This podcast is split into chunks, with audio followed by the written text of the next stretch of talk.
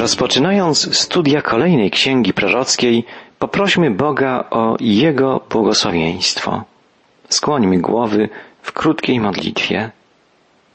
Boże nasz, Zbawicielu i Panie, dziękujemy Ci za słowo życia, które przekazałeś swoim prorokom, natchnionym psalmistom, apostołom. Panie, spraw przez swego Ducha Świętego, żeby słowa spisane w Twojej księdze stawały się dla nas zrozumiałe, inspirujące, by zmieniały nasze serca i całe nasze życie. W imieniu Jezusa Chrystusa wołamy do Ciebie, Ojcze. Amen. Na początku przybliżmy sobie postać autora księgi Sofoniasza. Imię Sofoniasz znaczy Jahwe ochronił. W języku hebrajskim imię to brzmi Sefaniach. Pochodził on z królewskiej linii Dawida. Był praprawnukiem króla Ezechiasza, inaczej Hiskiasza. Te informacje znajdujemy w tytule księgi, gdzie prorok stwierdza słowo pańskie, które zostało skierowane do Sofoniasza, syna Kusziego, syna Gedaliasza, syna Amariasza, syna Ezechiasza, za dni Jozjasza, syna Amona, króla judzkiego. Prorok Sofoniasz był więc spokrewniony z królem Jozjaszem. Obaj wywodzili się z mesjańskiej królewskiej linii Dawida. Niewątpliwie Sofoniasz brał czynny udział w przygotowaniu i przeprowadzeniu reformy religijnej, która dokonała się za panowania Jozjasza, ostatniego bogobojnego króla Judy. Panowanie króla Jozjasza przypadło na lata 639 do 608 przed Chrystusem. Sofoniarz działał, jak się uważa powszechnie, w pierwszym okresie rządów Jozjasza, przed reformą religijną, która miała miejsce w 622 roku przed naszą erą. W tym okresie działał też w Królestwie Judzkim prorok Nahum i młody prorok Jeremiasz. Jozjasz wstąpił na tron po długim panowaniu niegodziwego króla Manasesa i zainaugurował wielką reformę religijną, która zaowocowała duchowym przebudzeniem, ostatnim w historii Judy. Prorok Sofoniarz odegrał bardzo ważną rolę w tych wydarzeniach. Był jednym z przywódców przebudzenia i inspiratorów tego przebudzenia. Wspierał króla Jozjasza w odnowie religijnej i duchowej narodu. Postawmy sobie pytanie, jaki był główny cel wystąpienia Sofoniasza jako proroka? Jakie poselstwo chciał przekazać ludowi Bożemu? Prorok piętnował wypaczenia religijne i zapowiadał jako karę inwazję potężnego nieprzyjaciela. Sofoniarz mógł przewidzieć najazd Scytów, którzy po odniesieniu zwycięstwa pod Niniwą w 625 roku przed naszą erą dotarli aż do wybrzeży Morza Śródziemnego i zajęli część ziemi judzkiej leżącej w pasie nadmorskim. Najbardziej spustoszone były wtedy Saron i Szefela. Wspomniane przez Sofoniasza, jak znajdujemy tę informację w drugim rozdziale księgi, wierszach od czwartego do siódmego. Prorok mógł mieć jednak na uwadze także późniejszą inwazję Babilończyków, którzy w 597 roku zdobyli ostatecznie Jerozolimę i zabrali część ludu judzkiego do niewoli, a w 586 roku spustoszyli już całkowicie i spalili całe miasto wraz ze świątynią. Sofoniarz wybiegał myślą jeszcze dalej, w czasy eschatologiczne, zapowiadając kataklizmy, jakie nastąpią w czasach ostatecznych.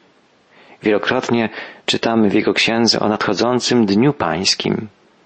Na przykład prorok woła, milczcie przed obliczem Pana, Boga, gdyż bliski jest dzień Pański. Bliski jest wielki dzień Pana, bliski i rychły on bardzo. Aż Siedmiokrotnie w tej krótkiej księdze czytamy o nadejściu Dnia Pańskiego. Księga Sofoniasza zawiera szereg mów proroka o charakterze gruźb lub pocieszeń. Najpierw Sofoniarz zapowiada sąd nad Judą i Jerozolimą, potem zwiastuje sąd nad obcymi narodami, a na koniec jeszcze raz wzywa Jerozolimę do upamiętania. Księgę zamykają obietnice mesjańskie. Prorok pociesza lud judzki, zapewniając mu pomyślną przyszłość, odrodzenie duchowe i moralne. Porównując poselstwo Sofoniasza i współczesnego mu Nahuma, możemy powiedzieć, że obaj zapowiadali nadejście Bożej kary. Ale podczas gdy Nahum koncentrował się na upadku Niniwy i potężnej Asyrii, Sofoniarz zapowiadał nadejście Bożej kary w wymiarze powszechnym, globalnym. Zapowiedział sąd Pana nad wszystkimi narodami. W końcowej części księgi znajduje się zapowiedź pojawienia się czystych warg. Warg czystych, przywróconych narodom, aby wszyscy wzywali imienia Pana, Boga i służyli Mu jednomyślnie. Jest to zapowiedź całkowitego, doskonałego objawienia się Boga ludzkości, w wyniku którego nastąpi wielkie duchowe przebudzenie. Ludzie spośród wszystkich narodów nawrócą się do Boga, będą śpiewać radosne pieśni odkupienia. Cała ziemia rozbrzmiewać będzie uwielbieniem płynącym z ust Bożego ludu. Choć Sofoniarz nie zapowiada wprost nadejścia Mesjasza, wyraźnie wskazuje, że czasy mesjańskie nadejdą. Pośrednio zwiastuje prorok zwycięstwo Ewangelii, dobrej nowiny o zbawieniu, które nastąpi w czasach końca, dzięki wielkiej mocy, sprawiedliwości i łaskawości Pana. Tak, w wielkim skrócie można przedstawić poselstwo księgi Sofoniasza. Będziemy wsłuchiwać się w słowa proroka w ciągu następnych sześciu spotkań w sposób bardzo wnikliwy. Dzisiaj podkreślmy jedną bardzo ważną prawdę. Chociaż Sofoniarz zwiastuje surowy sąd nad narodami, tak naprawdę wskazuje wielką miłość Boga, który dlatego każe, by ocalić, dyscyplinuje, by nauczyć posłuszeństwa, usuwa grzech, by oczyścić, uświęcić swój lud, by powołać go i przygotować do życia godnego, dobrego i spełnionego, a w przyszłości do życia wiecznego. Dobry ojciec dyscyplinuje swoje dzieci, żeby wyrosły na prawych, dzielnych, dobrych ludzi. Bóg postępuje jak najlepszy ojciec. On jest miłością. Nie jest to jednak miłość ślepa, sentymentalna, ale miłość mądra, prawdziwa, przemieniająca, wychowująca, oczyszczająca, prawdziwa miłość. Bóg kocha człowieka, lecz nie toleruje grzechu. Aby człowieka zbawić, musi usunąć z jego życia grzech, zło, wszelką nieprawość. I jest to często proces bardzo bolesny, ale zawsze zamiarem i celem Boga jest ratowanie duszy człowieka, przygotowanie go do życia u Jego boku, w Królestwie Wieczności. Pamiętajmy o tym, gdy będziemy czytać i studiować proroctwa Sofoniasza. A teraz spójrzmy już, raczej posłuchajmy, jak rozpoczyna się wystąpienie proroka. Księgę Sofoniasza otwierają następujące słowa.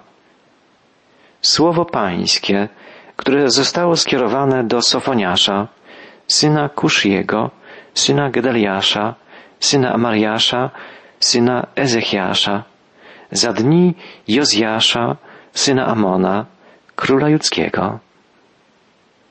Ten wstęp, tytuł otwierający księgę, zawiera, o czym już wspomnieliśmy, dwie istotne informacje. Pierwsza to ta, że Sofoniarz był potomkiem Ezechiasza, króla judzkiego, a więc sam wywodził się z królewskiej mesjańskiej linii Dawidowej. A druga wiadomość, równie ważna, to informacja, że jego działalność miała miejsce w okresie rządów króla ludzkiego Jozjasza.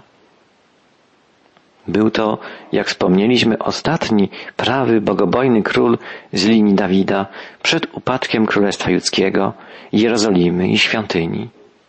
Spokrewniony z królem Sofoniasz odegrał dużą rolę w przygotowaniu serc ludu judzkiego do odnowy, przebudzenia duchowego. Szczególnie w pierwszym okresie rządów Jozjasza, który zasiadł na tronie w wieku ośmiu lat. Zaglądnijmy do ksiąg historycznych Starego Testamentu, a ściślej do drugiej Księgi Królewskiej, gdzie opisana jest sytuacja w kraju, kiedy po długoletnim panowaniu w Jerozolimie Manasesa, dziadka Jozjasza i Amona, ojca Jozjasza, a obydwaj ci królowie byli bezbożnymi, nieprawymi, jednymi z najgorszych przywódców w historii Królestwa Judzkiego, na tron powołano małego, ośmioletniego Jozjasza, który okazał się bardzo dobrym, prawym, bogobojnym władcą. W 22 rozdziale drugiej Księgi Królewskiej czytamy, że Jozjasz panował w Jerozolimie przez 31 lat i czynił to, co prawe w oczach Pana. Kroczył we wszystkim drogą Dawida, swego praojca, nie odstępując od niej ani na prawo, ani na lewo. W osiemnastym roku panowania, a więc kiedy miał dwadzieścia sześć lat, Jozjasz po raz pierwszy zapoznał się z treścią Bożego prawa spisanego przez Mojżesza. Kiedy pracownicy dokonujący naprawy uszkodzeń w świątyni wykonywali niezbędne roboty, odkryto zagubioną księgę prawa i przeczytano ją królowi na jego życzenie. Kiedy król Jozjasz usłyszał treść tej księgi, rozdarł swoje szaty. Był bowiem poruszony do głębi. Tak rozpoczęło się duchowe przebudzenie w Jerozolimie w 622 roku przed naszą erą. Opisuje je 23 rozdział drugiej Księgi Królewskiej. Zajrzyjmy tam przez chwilę. Czytamy Król rozesłał wezwanie i zgromadzili się u niego wszyscy starsi z Judy i z Jeruzalemu. Potem król wstąpił do świątyni Pana, a z nim wszyscy mężowie judzcy i mieszkańcy Jeruzalemu, i kapłani, i prorocy, i cały lud od najmniejszych do największych, i kazał odczytać przed nimi wszystkie słowa Księgi Przymierza, znalezionej w świątyni Pana. Następnie król stanął przy kolumnie i zawarł przed Panem przymierze, że będą naśladować Pana i przestrzegać Jego przykazań i rad i ustaw z całego serca i z całej duszy, przywracając ważność słowom tego przymierza spisanym w tej księdze. I cały lud przystąpił do przymierza. Jozjasz przeczytał całą księgę prawa. Lud nie tylko wysłuchał Boże Słowo, ale zobowiązał się, że będzie zgodnie z nim postępował. Rozpoczęło się wielkie duchowe przebudzenie. Odnowiono przymierze z Panem. Ludzie pod wpływem Bożego Słowa uświadomili sobie, jak bardzo oddalili się od Boga i zapragnęli odnowienia łączności z Panem. I nam potrzebne jest upamiętanie, wyznanie grzechów, przeproszenie Boga i ludzi. Potrzebne jest nam usunięcie z naszego życia wszystkiego, co przeszkadza nam w łączności z Panem. Od czego Jozjasz rozpoczął porządkowanie duchowego życia narodu? Czytamy, król nakazał potem arcykapłanowi Hilkiaszowi, kapłanom drugorzędnym i odźwiernym wynieść z przybytku Pana wszystkie naczynia sporządzone dla Baala, dla Aszery i dla całego zastępu niebieskiego i spalić je poza Jeruzalemem, na polach nad Kidronem. Oczyszczenie rozpoczęło się od świątyni. Również i dzisiaj odrodzenie duchowe musi rozpocząć się od Kościoła, od świątyni Bożej, od nas samych. Dopiero gdy Duch Boży oczyści nas i sprawi, że staniemy się żywym, pełnym miłości Kościołem Jezusa Chrystusa, wtedy duchowa odnowa będzie mogła rozszerzyć się na cały naród. Na polecenie króla Jozjasza zniszczono wszystkie posążki, ołtarze i wszelkie inne elementy kultów pogańskich. Przywrócono czysty kult Pana, oddawanie czci jedynemu żywemu Bogu, Panu Izraela. Jozjasz zadbał też o czystość moralną ludu ludzkiego. Czytamy, kazał usunąć Aszerę ze świątyni Pana poza Jeruzalem do Doliny Kidron i spalić ją tam, zeczyć ją w proch. Kazał zburzyć pomieszczenia nierządników, którzy byli w świątyni, gdzie niewiasty tkały zasłony dla Aszery. Jozjasz rozprawił się z nierządem, w tym z nierządem sakralnym, połączonym z kultem bałwochwalczym Aszery. Przerażające, że nierząd uprawiano nawet w świątyni. Czyniono też inną potworną rzecz. Przeczytajmy. Kapłanom z świątynek na wyżynach zabronił składać ofiar na ołtarzu Pana. Kazał zbezcześcić palenisko znajdujące się w dolinie synów Himona, aby już nikt nie oddawał swego syna czy swojej córki na spalenie dla Molocha. Składano dzieci jako żywe ofiary pogańskiemu bożkowi Molochowi. Jozjasz zniszczył miejsce, w którym składano takie ofiary, zwane paleniskiem zgrozy. Usunął też w całym kraju wszelkie świątynki, ołtarze i figurki służące pogańskim kultom. Oczyścił świątynię, Jerozolimę i całą Judę. W drugiej księdze kronik znajdujemy wiersz, który tak podsumowuje dzieło Jozjasza. Usunął Jozjasz wszystkie obrzydliwości ze wszystkich ziem Izraelitów i zobowiązał wszystkich znajdujących się w Izraelu do służenia Panu, ich Bogu. Przez całe jego życie nie odstąpili oni od Pana, Boga swych ojców. Drodzy słuchacze, to wspaniałe świadectwo o życiu tego młodego człowieka. Zasiadł na tronie w wieku ośmiu lat. Sprawował rządy lat trzydzieści jeden, a więc zginął zanim miał czterdzieści lat. Zginął w wojnie w wieku trzydziestu dziewięciu lat, a dokonał tak wiele wspaniałych rzeczy. Możemy i powinniśmy modlić się o podobne oczyszczenie, o podno, podobną odnowę w nas samych i w całym naszym kraju. Potrzebujemy powrotu do Bożego Słowa. Potrzebujemy odwrócenia się od wszystkiego, co wiąże nasze serca. Potrzebujemy duchowego odrodzenia. Zaglądnijmy jeszcze raz do drugiej księgi królewskiej. Czytamy tam Rozkazał król następnie całemu ludowi obchodźcie Paschę ku czci Pana, Boga waszego, jak jest przepisane w księdze tego przymierza. Nie obchodzono bowiem takiej Paschy od czasów sędziów, którzy sądzili Izraela przez cały okres królów izraelskich i królów judzkich. Aż dopiero w osiemnastym roku panowania króla Jozjasza obchodzona była ta Pascha ku czci Pana w Jeruzalemie. Niesamowite. Dowiadujemy się, że przez całe stulecia nie obchodzono biblijnego święta Paschy. Nie przypominano sobie cudownego wyjścia Izraela z niewoli egipskiej.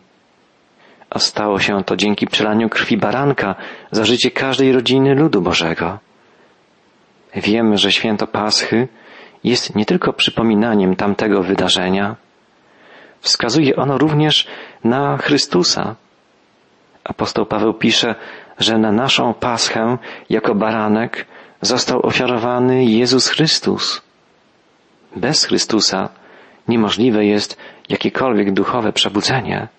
Bez Chrystusa niemożliwe jest w ogóle duchowe życie. To On sam jest życiem. Nasz duch jest martwy, dopóki nie ożywi go duch Chrystusowy. Przywracając obchodzenie święta Paschy, Jozjasz przywrócił wspominanie wyjścia ludu Bożego z niewoli egipskiej i przepowiadanie nadejścia Chrystusa, Mesjasza, prawdziwego baranka paschalnego, Zbawiciela całego ludu Bożego. Miało to więc ogromne znaczenie. Ogromnie ważne było też to, że Jozjasz we wszystkim, jak czytamy, postępował tak, żeby wprowadzić w życie Boże Słowo. Zamieniał w czyn słowa prawa spisane w księdze, jaką znalazł w świątyni pańskiej. Drodzy słuchacze, oto czego i nam potrzeba. W centrum naszego życia ma znajdować się Boże Słowo. Mamy się nim kierować i wprowadzać je w czyn. I nie możemy nigdy zapomnieć, że wskazuje ono przede wszystkim na Jezusa Chrystusa, naszego Zbawiciela i Pana, Bożego Baranka, który złożył w ofierze swoje życie, żebyśmy my mogli żyć. Zanim wydarzyło się to wszystko, o czym czytaliśmy, zanim nastąpiło wielkie duchowe przebudzenie, Bóg posyłał swoich proroków, którzy ostrzegali, napominali, pouczali lud i przygotowywali ludzkie serca na przyjęcie Bożej prawdy. Jednym z takich posłańców był prorok Sofoniarz. Ostrzegał przed nadchodzącym sądem, apelował o upamiętanie, o zerwanie z bałwochwalstwem, z nieprawością, niemoralnością. I kiedy nadszedł czas przebudzenia, ostatniego przebudzenia w Królestwie Judzkim, ludzie otwarli swoje serca na Boże Słowo. To dla nas ważna i cenna wskazówka. Czasem wydaje się nam, że nawoływanie do upamiętania, głoszenie Bożego Słowa pozostaje przez całe lata bez odpowiedzi. Czasem tracimy wiarę, że ktoś z bliskich nam ludzi, krewny, przyjaciel, sąsiad, uwierzy w Bożą prawdę, zwróci się ku Bogu. Ale naszym zadaniem jest nie ustawać w dzieleniu się Ewangelią. Boże Słowo jest jak duchowe ziarno, zapada w ludzkie dusze i w swoim czasie wydaje plony, rodzi owoce. Bądźmy posłuszni Panu, sami słuchajmy Jego słowa i dzielmy się nim z bliźnimi.